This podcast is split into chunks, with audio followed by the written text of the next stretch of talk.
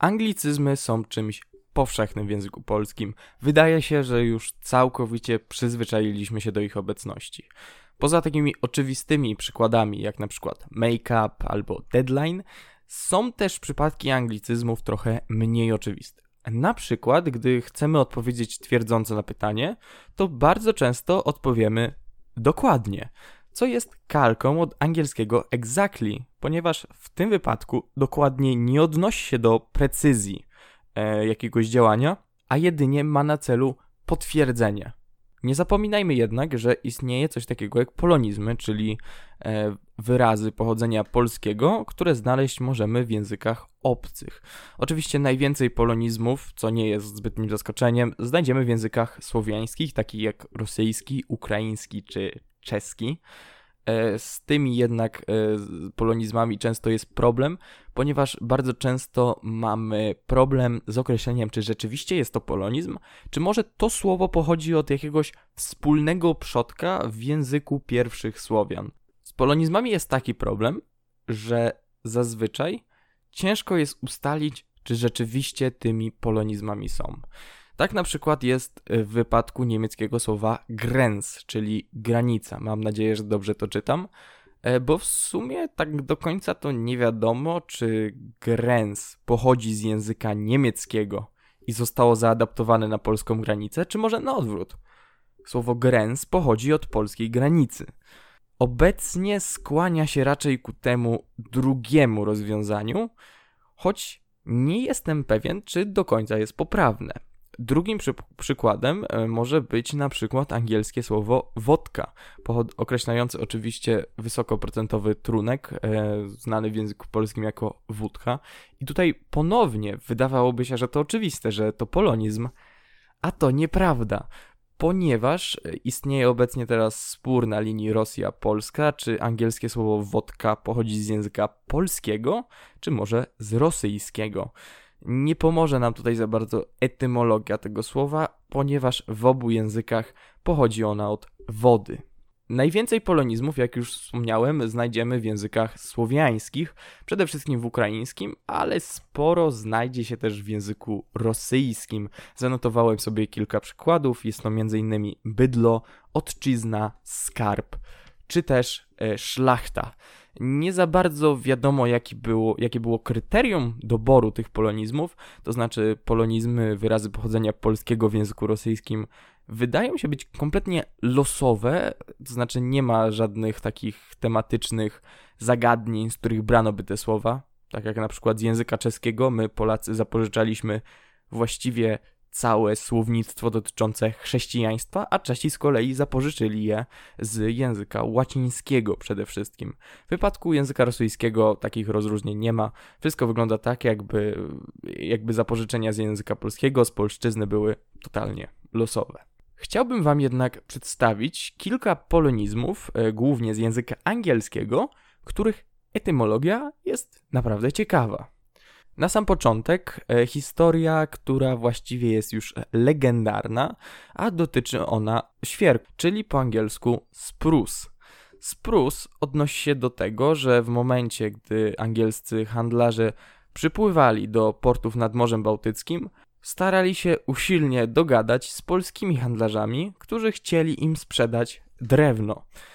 Pytali się więc ich, jak to drewno się nazywa, a polscy handlarze odpowiadali im, że jest, są to drzewa sprus. I właśnie stąd powstał świerk, czyli sprus. Nikogo nie powinny też dziwić przykłady polonizmów kulinarnych, jak na przykład słynne pierogis występujące głównie w liczbie mnogiej, ale także kiełbasa, czy też, pozostając jeszcze odrobinę w e, kulinarnych klimatach, angielskie słowo gerin, czyli to są takie powiedzmy kiszone ogórki, które z kolei pochodzą od niemieckiego słowa gerke, które z kolei tak pochodzi od polskiego rodzimego ogórka. Z innych słów, e, takich, które nie pochodzą też bezpośrednio z polszczyzny, ale z jidysz, warto zaliczyć choćby słowo czoczkę, czyli pochodzące od polskiego cacka, które oznacza bibelot, jakąś niepotrzebną e, rzecz. Z użyciem polonizmu możemy też oczywiście kogoś obrazić, na przykład mówiąc do niego szmata, pisane przez CH i podwójne T. Bardzo ciekawa jest tutaj etymologia kwarku, czyli e, takiego pojęcia z zakresu fizyki oznaczającego pewną cząstkę elementarną, ponieważ to słowo pochodzi od polskiego twarożku. Wiem, że to może być odrobinę dziwne, ale wynika to z tego, że pomiędzy angielskim kwarkiem a polskim twarożkiem stał jeszcze język niemiecki, który przyswoił sobie słowo twarożek ze, z języka staropolskiego, jedynie zamieniając pierwsze dwie litery T i W na Q i U, dzięki czemu powstał kwark, oznaczający oczywiście twarożek. Następnie w powieści Jamesa Joyce'a Finneganów Tren, e, Finnegani Tren to, to, to jest bardzo dziwna powieść, próbowałem znaleźć fragment tego i okazało się, że po przeczytaniu jednego zdania nie mam pojęcia o czym było to jedno zdanie, bo wydaje się tak silnie pozbawione sensu. Niemniej e, Murray Gell-Mann, czyli naukowiec, który zajmował się kwarkami i który zaproponował nazwę dla kwarków, czytał tę powieść i bardzo się nią zainspirował, ponieważ e, słowo kwark pochodzi od jednego ze zdań w tej książce. Od zdania trzy kwarki dla Mustermarka, które z kolei to zdanie jest zniekształconą formą niemieckiego okrzyku trzy marki za znakomity twaróg.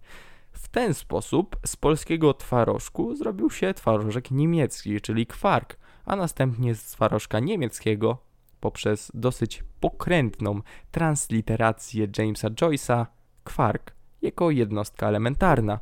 Tutaj warto zwrócić uwagę na bardzo ciekawe zjawisko, ponieważ ten polski kwarożek, zniekształcony przez dwie wymowy i dwa, e, jakby dwa kręgi kulturowe, powraca do Polski jako nazwa fizyczna. Równie ciekawą e, etymologię ma angielskie słowo ogonek, e, które oznacza to, co myślicie, że oznacza, czyli znak diakrytyczny, jaki możecie znaleźć na przykład przy literze on. Tak, to się nazywa po prostu ogonek i też nie chciało mi się to wierzyć, ale sprawdziłem. I to naprawdę nazywa się ogonek po angielsku. Oczywiście jest to tylko pewna, dosyć niewielka część polonizmów.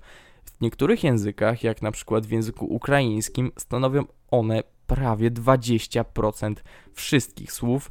W innych językach słowiańskich ten procent jest równie wysoki, choć oczywiście nie aż tak. Na przykład w języku czeskim w XIX wieku, kiedy starano się go odgermanić, naprawdę wiele słów zostało zaadoptowanych do języka czeskiego, aby przywrócić mu jego słowiańskość, jego pierwotną słowiańskość. Żaden język nie istnieje w próżni, a wydaje mi się, że w Polsce brakuje świadomości tego, że język polski nie jest tylko językiem, który zapożycza słowa z innych, być może bardziej dominujących obecnie na świecie języków, jak francuski, niemiecki czy przede wszystkim angielski, ale także coś od siebie daje. Jak więc widać, polszczyzna nie tylko zapożyczała, ale i miała spory wkład w rozwój innych języków.